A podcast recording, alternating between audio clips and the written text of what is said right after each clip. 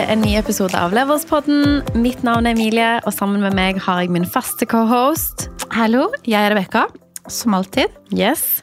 Vi får masse spørsmål på eh, DM-en vår på levels.podden på Instagram. Og der får vi òg forespørsler på temaer for episoder. Det syns vi er veldig veldig gøy. Vi elsker at dere spør spørsmål, sender inn tanker og refleksjoner. Det sier vi ofte. Det hender at vi bruker litt tid på å svare fordi det kommer masse, og vi har lyst til å svare ordentlig. Mm. Men i dag har vi faktisk valgt å ta en av de tingene vi har fått forespørsel om, eh, som en episode, som et tema. Mm. Vi tror det er veldig relevant for mange. Mm. Og spesielt så er det jo gøy å høre din historie, Emilie. Det vi skal snakke om, er egentlig hvordan man kan få til ting på sosiale medier. Mm. Instagram spesielt, og andre sosiale medier som florerer om dagen. Mm. Um, det er veldig mange som bruker det. Både aktivt for å promotere produkter eller tjenester, men også kanskje bare å vise kultur. Og vise hvordan arbeidsplassen er, f.eks. Um, det er jo mange som bruker det som en personlig plattform. Jeg på min Instagram, altså min Re Rebekka-Instagram, der deler jeg jo ting jeg gjør fra ferier og sånn, akkurat som du gjør på din. Mm. Men du har også bygd en plattform hvor du tjener penger, og det har du snakket om før. Mm. Den er jo ikke så veldig gammel, den kontoen. Eh, tre år. Ja, den er litt under tre år. Eh, Det spørsmålet vi fikk på DM-en vår, var jo hvordan bygger man en plattform fra null til en størrelse hvor man kan begynne å leve av Instagram, eller tjene penger av Instagram. Ja, litt hva gjør man? Hvordan får man det til? Mm. Hva er liksom hacksa? Hva, hva skal til da for å kunne få følgere på Instagram og liksom få kanskje begynne å tjene penger på det? Hva har du gjort? Og da tenker jeg Det er jo liksom fint å snakke med hvordan det begynte for deg. Mm. Eh, og litt dine erfaringer, og så gi noen konkrete tips mot slutten og underveis. Absolutt. Så um, det starta egentlig litt tilfeldig. Jeg uh, hadde kjøpt en leilighet, um, den første leiligheten jeg hadde kjøpt, i uh, Sandergata i Oslo. Ehm, hvor jeg bytta kjøkken, blant annet, malte, gjorde litt forbedringer, og fikk liksom kanskje opp øynene igjen for interiørdesign, og noe som jeg egentlig hadde interessert meg for veldig lenge. Eh, min første gang jeg gjorde noe form for oppussing eller sånn. Eh, og når den leiligheten var ferdig, så la jeg ut et bilde på min da vanlige konto. Um, Jeg la du ikke noe underveis mens du holdt på å ordne og pusse opp litt? Litt storier og sånne ting, men det var en Instagram-profil som jeg hadde privat. Som jeg, eh, For mange mange år siden så hadde jeg en eh, blogg, sånn at den hadde jo litt størrelse, den òg. Men jeg hadde aldri delt noe interiør eller noe sånne ting.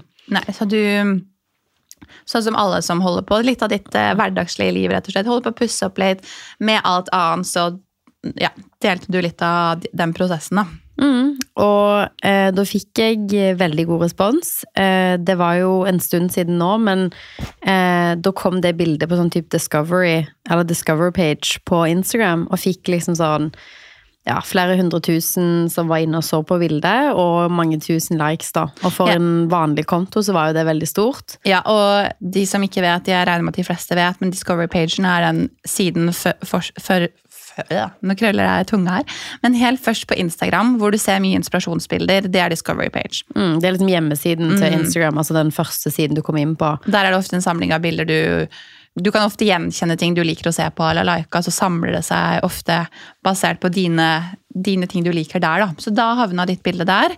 Og det gjør jo at eh, de som ikke er dine venner nødvendigvis, ser disse bildene. Det kan komme lettere til din konto. Mm. Så jeg la jo det bildet, fikk veldig god respons, og la jo det et bilde til en liten stund etterpå. Så liksom at interiørinnholdet gjorde det veldig bra. Og i den prosessen så hadde jeg jo sjøl naturlig også fått en veldig stor interesse for interiør. Så når jeg solgte den leiligheten og kjøpte um, den nye leiligheten min, så tenkte jeg sånn, ok, jeg har ikke lyst til å være en av de folkene som deler 1000 bilder med alle venner på Snapchat eller på min egne Instagram. Fordi at veldig mange av de som følger meg på min personlige Instagram, de bryr seg jo ingenting Ja. om interiør. Så da tenker jeg, ok, men da skal jeg være en av de folka som lager en egen konto for sin egen oppussing. Eh, jeg tenkte at det var mindre irriterende eller å bombardere venner og kjente det. Eh, så jeg gjorde det, og Mila var kallenavnet mitt da jeg var liten. Er det det foreldrene mine kaller meg, blant annet? Så da ble det det. Eh, og begynte å dele ganske aktivt, egentlig. Da ble det Home with Mila. Da ble det Home with Mila. Um, Og jeg posta jo mye fordi at jeg elsker å holde på med det. Ja, og jeg tror, du synes, jeg tror du fortalte at bare sånn, «Å, jeg lager en konto nå, for det er litt gøy å dele prosessen. Og det var jo litt sånn hobby for deg. Eh, og var sånn, jeg vil dele til vennene mine, følge prosessen. Litt sånn dagbokaktig. Eh, og selvfølgelig fordi du var flink til det, men det var jo litt sånn et morsomt prosjekt kanskje i starten. Jeg tenkte ikke at det skulle bli en jobb, og jeg tenkte ikke at jeg skulle bli interiørdesigner, eller at jeg skulle drive med flipping, eller Nei. noe sånn. Men det jeg tror jeg oppdaget når jeg gjorde den første oppussingen, var at veldig mange som jeg snakket med, tenkte at det var veldig dyrt. Eh, Så det jeg merka veldig tidlig, var jo sånn ok, måten jeg finner produkter på, eh, måten jeg hadde brukt pengene når jeg pustet opp, og de tipsene som jeg hadde lært underveis, Mm. det var liksom det jeg begynte profilen med, at jeg delte mye av de tingene som eh, gjerne gjorde at jeg kunne holde oppussingen på et greit nivå. Mm. Eh, Posta mye fordi at jeg syntes det var veldig gøy. Eh, og så husker jeg at jeg fikk liksom 1000 følgere og var sånn wow, ok. Jeg husker du Det sa bare, Oi, nå har jeg fått mange følgere, og så hadde du bikka 1000, og det var litt sånn Wow, det gikk fort. Det gikk jo ganske fort. Ja. Eh, og mm, derfor så gikk det veldig raskt. Jeg fikk liksom ja, et par tusen ganske raskt og hadde bra engasjement og delte mye. Da var jeg jo midt oppe i oppussingsprosessen, så da skjedde det jo veldig mye der og da. Um, og underveis så posta jeg min første TikTok. Det var jo liksom sånn 2020, akkurat når TikTok skikkelig blowa opp. Ja, for du hoppa på den bølgen veldig kjapt. Ja, og det var egentlig sånn Tok den bare før og etter. Det var lenge etter jeg var ferdig med oppussingen på det badet, men posta det. Mm. Og fikk liksom fem millioner views eller et eller annet sykt på det. Det husker jeg. Jeg husker at du bare Nå har jeg fått 100 000 views, det er jo helt sykt. Og så fortsatte det å gå opp, så bikka det en million, og så bikka det flere millioner. Så den ene videoen av din første leilighet, det var vel Da var den vel ferdig? Leiligheten var ferdig, så jeg gjorde det jo etterpå. Jeg hadde jo tatt masse bilder og videoer underveis, og så lagde jeg den etterpå. Så en type sånn before after. Typisk, ja. Og vise liksom prosessen og hvordan vi gjorde det på et budsjett. Um, sånn at den videoen og flere andre på TikTok da, gjorde at jeg eh, vokste raskere på Instagram. Fordi at jeg hadde jo linka min Instagram i TikTok. Eh, og sånn som TikTok fungerer versus Instagram, er jo at det er mye mer organisk reach. Eh, du kan mye fortere vokse kontoen din, du har mye raskere eh, rekkevidde på videoer. Og kan mye raskere gå på en måte viralt, da, eh, uten at man gjerne har en stor følgerskare. da. Så jeg gjorde det, og posta masse på Instagram. Um, og kom meg opp til sånn 20 000-30 000. Og jeg tror det viktigste er jo at når du starter en konto og gjør noe som du liker, det at det var så um, drevet av noe jeg genuint interessert i, gjorde jo at det var veldig enkelt å poste mye. Ja. Um, jeg visste hva jeg likte å se innenfor det interessefeltet på Instagram fra før av. ja. Jeg elsker å se før og etter. Jeg liker å se folk som deler, som deler kostnadene ganske åpent, og ikke på en måte prøver å ja, kanskje eh, la være å linke ting og la være å dele ressurser fordi at man på en måte ønsker å, holde de tingene skjult. At jeg var sånn, ok, jeg vil blottlegge hva ting faktisk koster, være ærlig om de tingene og om prosessen. Eh, og det tror jeg nok eh, gjorde at flere av de som på en måte allerede likte den type innhold, kom til min konto. Og gjorde det. Mm, Jeg så- tror òg det, det gjør det jo litt mer oppnåelig for folk å få til. For jeg tror ofte så ser man en video, eller man ser en person, man ser et sted man vil reise til, eller en person man vil være. Og ikke noe på en måte oppskrift for hvordan man kan gjøre det sånn. Og der var jo du ganske tidlig ute med å dele Sånn fikk jeg det til, sånn kan du også gjøre det. Eller jeg kjøpte den på Ikea, eller eh, sånne hacks da, som jeg tror folk digger. Mm. Og sånn som du sier da, da fikk du jo naturlig tilstrøm fra TikTok til Instagram.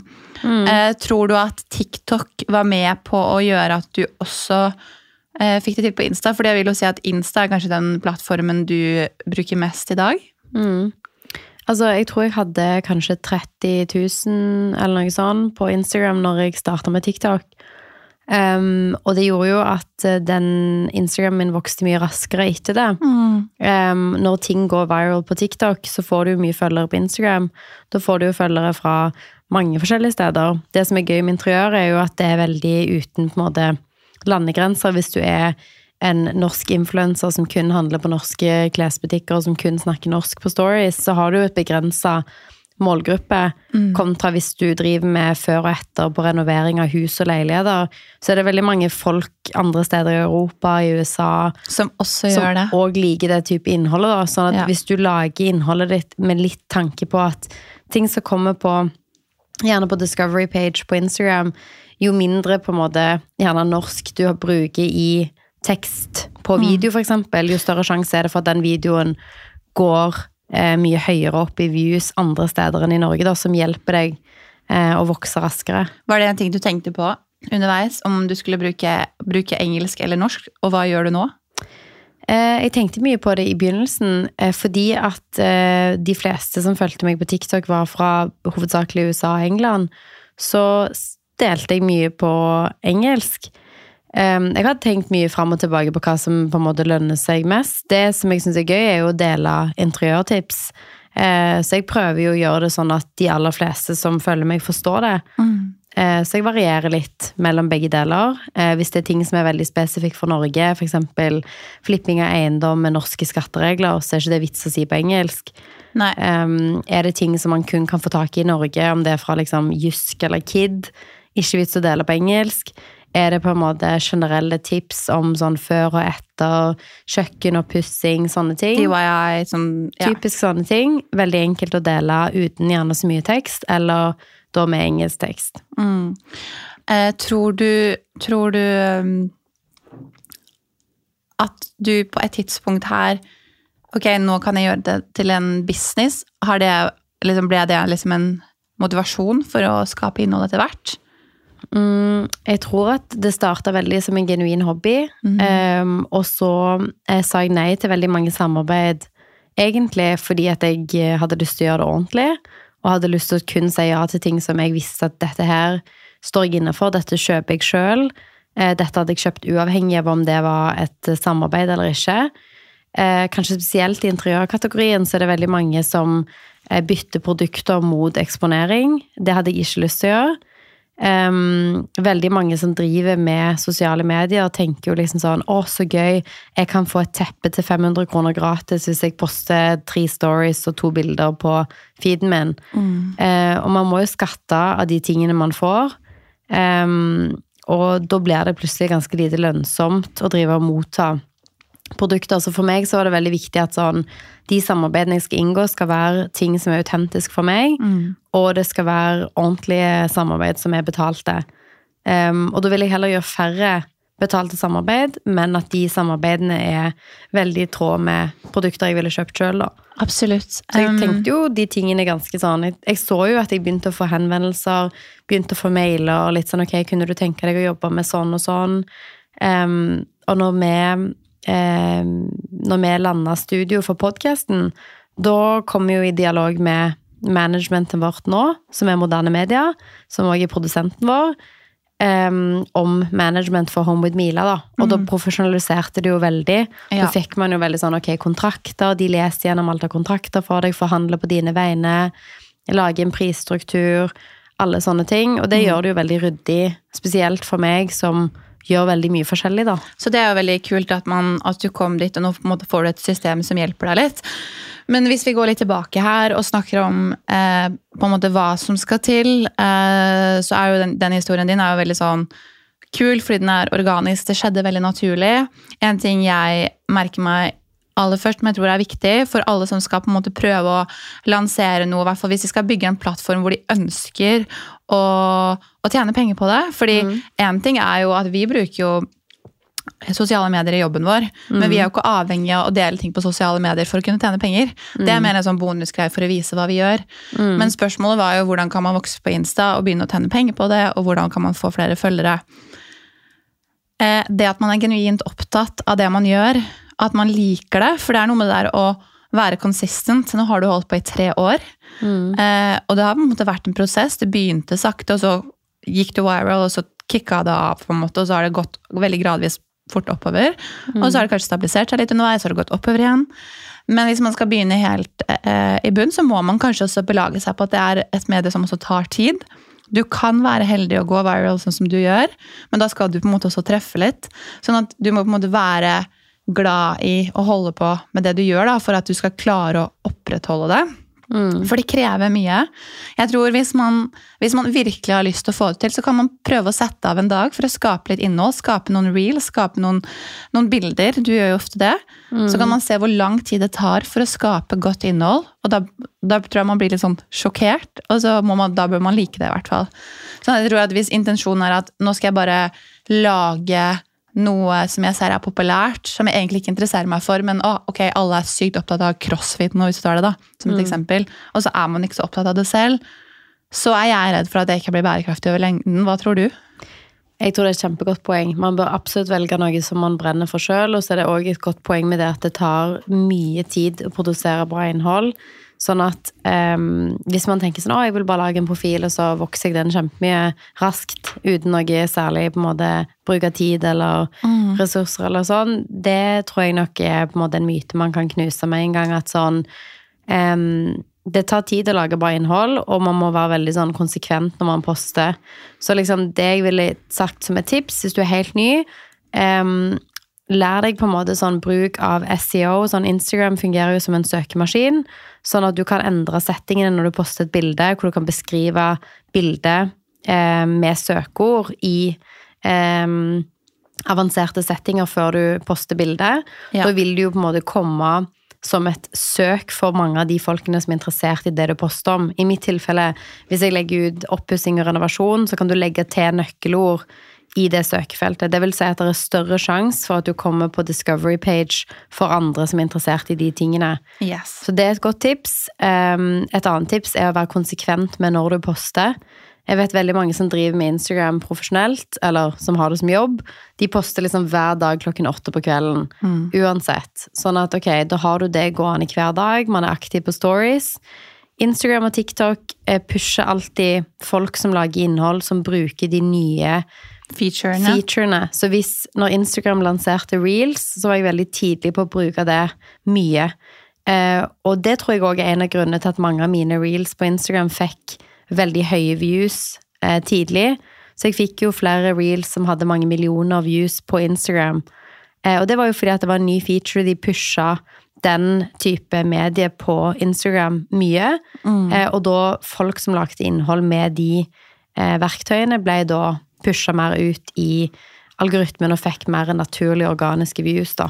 Absolutt. Og det du sier der er jo et veldig godt tips. Og du snakker jo veldig mye sånn Instagram-språk nå, om features og ting som fungerer. Og hvis man ikke er så satt inn i alt det her, så er det et veldig godt tips å søke på nett sånn oppdateringer, Instagram-algoritmer, TikTok-algoritmer.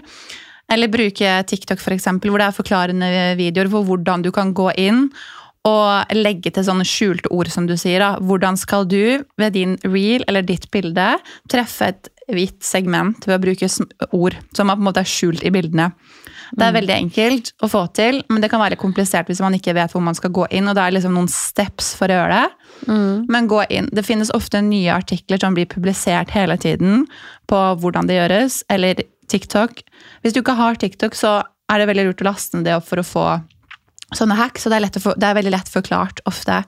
Så det som du sa da i forhold til advanced setting, skjulte ord, eh, bruke nye features, være litt opptatt av det. Mm. For jeg vet at det er veldig mange som kommer og, og så sier sånn hva er det? Husker at alle var sånn hva er reels? Og så mm. begynte noen å bruke det, og så er det litt rart. Og så plutselig så er det en helt vanlig del av hverdagen du, som du sitter og ser på. Mm. Så gå inn og så se på det. Så det som du sa også, da, var jo det er noe kanskje lettere Ikke lettere, men hvis du kan tenke noe som er litt universalt, sånn interiør Det er ikke noen landegrenser her. Mm. Eh, skulle man begynt å promotere f.eks. brunost, da, så er man kanskje veldig låst til Norge. det var ja. det jeg kom på nå, som var sånn Ok, norsk. Um, og så ville du på en måte Du måtte jobbe med mye mindre folk. Mm. Du har jo plutselig sånn, flere millioner du kan jobbe med med en gang, for det er så mange interesserte langt over. Uh, mens uh, f.eks. ski, da. Det er kanskje veldig mange skiinteresserte i Norge, og så er det mange skiinteresserte i USA eller i Sveits, Østerrike. Så kan man liksom tenke sånn ok, har jeg et produkt som er relevant for flere folk enn kun en gitt gruppe mennesker, og hva på en måte realistisk å få til innenfor, da? Mm. En brunostinteressert gruppe kontra en interiør- eller skiinteressert gruppe ville være noe forskjellig, tror jeg. Absolutt, og det er sånn, det jeg tror man bør tenke litt på, er jo at em, for fem-ti år siden så var jo sånn megainfluensere med liksom en million følgere det merkevarer hadde lyst til å gå for. Men de siste årene så har jo mikroinfluensere og nanoinfluensere blitt kjempepopulært. Yes. Så du kan faktisk eh, leve ganske bra av å eh, være en Instagram-profil med 5 000-10 000 følgere. Og det tror jeg gjør ting mye mer liksom sånn em, håndterbart og enkelt. Da kan man sette seg veldig sånn konkrete mål. At hvis du liksom produserer innhold hver dag, du bruker en kombinasjon mellom reels og eh, låste innlegg på profilen, eller vanlige innlegg, em, så skal det være ganske sånn oppnåelig å få den type følgerskare. Så er det viktig da at når du liksom ser at du har 5 000-10 000 følgere, da, så kan du lage en pitch klar hvis målet er å jobbe med merkevarer. Introdusere deg sjøl, eh, si litt om hvem som følger deg, og hva type engasjement man har. Det får man jo i sånn info på profilen din, med hvor mange Ja. som besøker hver måned. Eh, hva er det mest likte bildet ditt, hva type engasjementscore har man. Så kan man lage en kort pitch på det, eh, og så kan man sende til de merkene man allerede kjøper ting fra. Ja. Si at eh, du er en oppussingskonto og du har kjøpt alle gulvene du noen gang har hatt fra Havwoods, eksempel. Ok, send de en mail. Si hei, sånn og sånn. Dette er det jeg kan tilby. Ehm, dette er det dere får tilbake fra meg. Eh, og foreslå på en måte et samarbeid. Ja, og jeg, det har jo du gjort noen ganger, at det er jo ikke nødvendigvis alltid samarbeidspartnere som kommer til deg, men at du også er sånn Vet du hva, jeg har et prosjekt, kanskje det kan være interessant for dere. Og så skaffer man en samarbeidspartner og sånn. Eh, For det er jo ikke alle som sitter der ute og, og er alltid på jakt, men det er liksom noen ting må liksom få ting servert litt i fanget, så ser de at ok, det er en umulighet, Emilie vil vi jobbe med. Og så blir det vinn-vinn, da. Du får noe du trenger, og de får god eksponering, f.eks. Så det er en veldig fin måte å gjøre det på. Og det er jo sånn at eh, man trenger ikke nødvendigvis å gå den veien. Man kan gjøre det, og så kan man samtidig for eksempel bli med i sånn Klana Creator er jo en plattform hvor alle som har en Instagram, uavhengig av størrelse, kan få annonselinker. Sånn at hvis du eksempel har posta et par sko på storyen din, eh, og så får du ti stykker som spør hei, hvor er de fra? Så kan du legge til en link på storyen din, og da får du kanskje 20 kommisjon da, Ja. av alle salgene knytta til de som trykker på dine linker. Absolutt. Det er to ting jeg også har lyst til å ta opp når det kommer til det med innhold. Og det tror jeg kan snakke for både oss som liker å følge folk som gjør det bra, eh, men også litt hva som er viktig å tenke på, fordi vi lager jo en del innhold også. Det er to ting, og det ene er hvordan det ser ut. Overall aesthetic. Det trenger ikke å ha noe å si, men jeg tror det har veldig mye å si hvis man vil vokse og se bra ut for følgere. Fordi folk går på disse tingene for å se fin, ting som ser bra ut, eller ser fint ut, eller ser i hvert fall ut som noe de liker å se på. Så jeg tror det er liksom viktig å tenke på det man deler, at det har en viss form for standard. Og så får jo alle, alle sette sine egne regler på hva som er bra og ikke. Men det er jo litt overfladiske medier, både TikTok og Instagram, og man blir eksponert for fine ting, men at man har liksom noe som henger litt sammen. For igjen, det er med på å gi en sånn consistency som gjør at det ser bra ut. Og det kan være utrolig vanskelig. Vi har jo tre plattformer sammen som vi promoterer inne på. Det er Levelspodden, det er ER og det er Beckhart. Levelspodden og ER, hvis dere går inn på Instagram og sjekker, så er det overordna. Liksom, det henger veldig sammen, det er likt, det spiller på hverandre, det ser veldig bra ut. Og så har vi Beckard, som er en utrolig kreativ konto, som også har veldig bra innhold, men der har vi brukt mye mer tid på å jobbe, fordi prosjekt til prosjekt som vi skal promotere, er så ulikt. Å få det til å sette, se, sammen, se bra ut sammen kan være litt utfordrende. Så det å på en måte sette seg ned og lage en liten plan, og bruke en sånn Instagram-planner, da, hvis det er Instagram du skal på, og prøve bilder ved siden av hverandre sammen, kan være veldig lurt. Det kan man laste ned gratis på AppStore. Så kan man se sånn, ok, nå har jeg ni bilder her, og så kan du prøve litt fram og tilbake, og se om det ser fint ut sammen. Og da kan du se liksom, ok, passer disse to fargene, ser det rotet ut? Fordi det krever litt.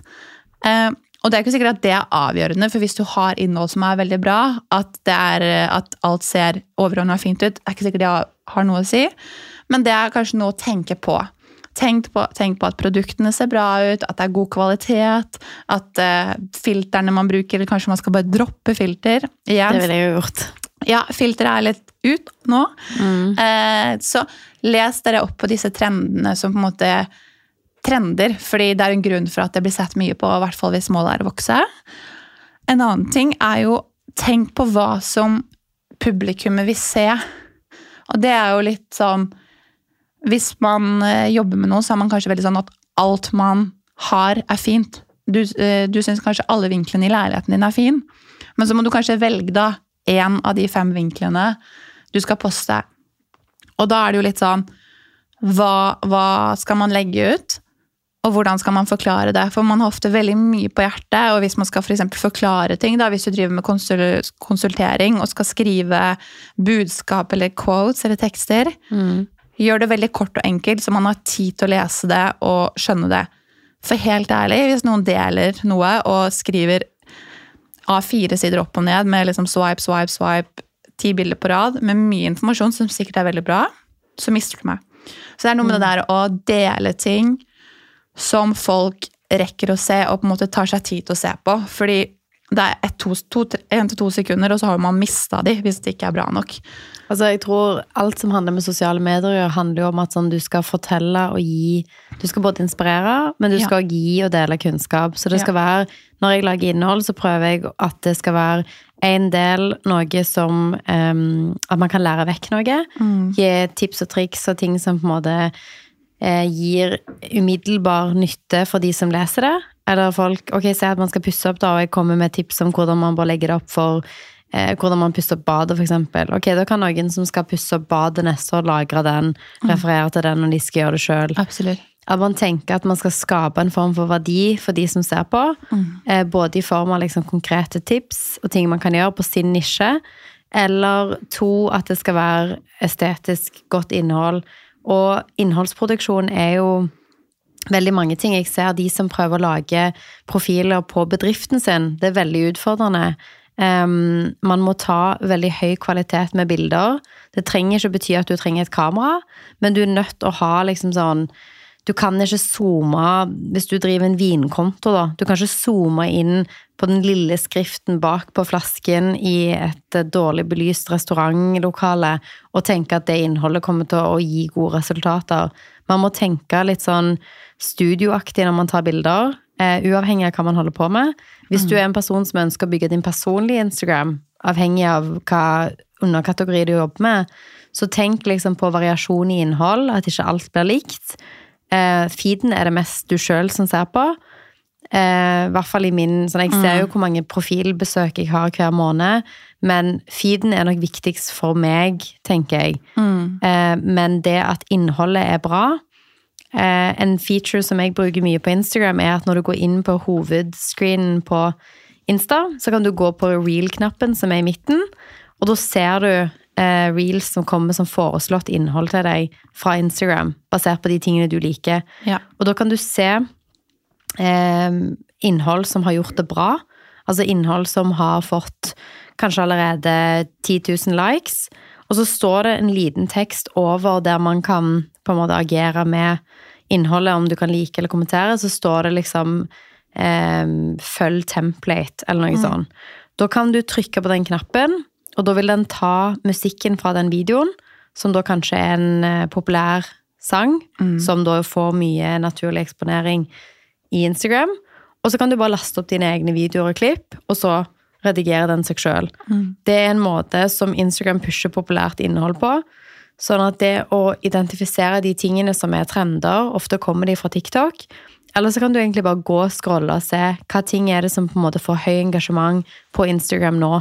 Så Ja. følger du templaten og legger det ut direkte. Det er superenkel måte å få mer organisk, eh, organiske blikk på ditt innhold. Ja. Det du sier her, er jo veldig, veldig, veldig mange gode tips. Eh, Det er mye å sette seg inn i, og det er ikke en grunn til at eh, Eller det er en grunn for at det her er en fulltidsjobb for mange. Veldig mange eh, selskaper har egne sosiale medier-ansvarlig. Det er en grunn for at folk har influenser som fulltidsjobb. Influenser slash innholds... hva, er, hva er det det heter? Innholdsprodusent. Men det er faktisk en bra ting, fordi at nå kommer det jo noe som heter UGC, som er User Generated Content. Mhm. Det er faktisk en måte å leve som influenser uten å faktisk ha en kjent profil. Stemmer, det det snakker vi om. Du produserer kun innhold. Så hvis du lærer deg å ta bra bilder, gode reels, bra redigering, så kan man ta kontakt med selskaper og tilby bildepakker, og da kan man selge rettighetene. Si at jeg tar kontakt med Nelly og sier hei, jeg kan produsere disse og disse reelsene og innhold. Jeg kan selge det for den og den prisen, og hvis dere skal bruke det i reklameinnhold som skal ha den og den rekkevidden, så skal jeg få betalt sånn og sånn. Det er UGC. det er en super måte å tjene penger på sosiale medier uten at man har en plattform sjøl. Ja. Altså, og jeg tenker sånn, Hvis man lager innhold eh, og syns det er gøy og vil skape, så kan man jo også sikkert dele det på sin plattform. Da, men det er jo liksom hvis man syns det er gøy å skape innhold. Eh, og med det så vil jeg også gi en liten shout-out til vår SoMe-ansvarlig Victoria, som gjør en ekstremt god jobb på, på, på jobb for oss eh, på mange av plattformene vi driver med. Det er mye jobb. Det krever så mye. Eh, og det krever også mye fram og tilbake, fordi alle skal bli fornøyd. Jeg snakker om oss to. Um, men det er veldig veldig gøy. Det er, jeg tror vi kunne snakka i det vide og det breie, og du har sikkert veldig veldig mange andre tips på hjertet. Nå har jeg sagt sånn veldig, veldig, veldig, og mange, mange, mange sånn gjentatt ganger her. Det var Det greia mi i dag. Eh, men igjen, da, hvis dere, har, eh, hvis dere har andre temaer dere vil snakke om, føler du at du har eh, noe mer du vil si angående det med følgere og sånn? Vi har jo egentlig vært igjennom det meste, tror jeg. Oppsummerende så vil jeg si, velg noe som du er interessert i. Post eh, jevnlig, hver dag. Bruk alle de forskjellige måtene man kan poste innhold, f.eks. på Instagram. Om det er story, reel, innlegg. Um, bruk de flittig. Oppdater deg på trender, og bruk eh, Templates på Templates. Instagram, sånn at det er enklere å produsere reels. Um, engasjer med de folkene som følger deg i din nisje. Bruk disse sånn avanserte settings, legg inn søkeord, den type eh, innstillinger. Og ha litt tålmodighet, fordi det kommer til å ta lang tid. Og bruk heller tiden din på å produsere bra med innhold. Jeg pleier å ta masse innhold, f.eks. når lyset er bra. Så tar jeg gjerne 100 bilder istedenfor å prøve å ta bilder hver dag. For på den måten så vet jeg at jeg har alltid ting jeg kan poste, eh, og ikke avhengig av at det passer akkurat nå å ta bilder. Da har jeg fridd opp litt tid i forhold til at, eh, at jeg ikke trenger å tenke på det hver dag eller flere ganger i uka. Takk for eh, deling av historier. Det var gøy å snakke om tips. Hvis dere har andre spørsmål eller eh, noe å kommentere på på denne episoden, så bare send oss en DM Yes, på Insta. På Insta. Vi syns det er kjempegøy å få alle spørsmålene deres, og gleder oss til å spille inn flere episoder med deres ønskelister. Yes. Og vår Instagram er levels.podden. Jepp. Og um, vi gleder oss til å høre fra dere, og vi snakkes neste uke. Det gjør vi. Ha det!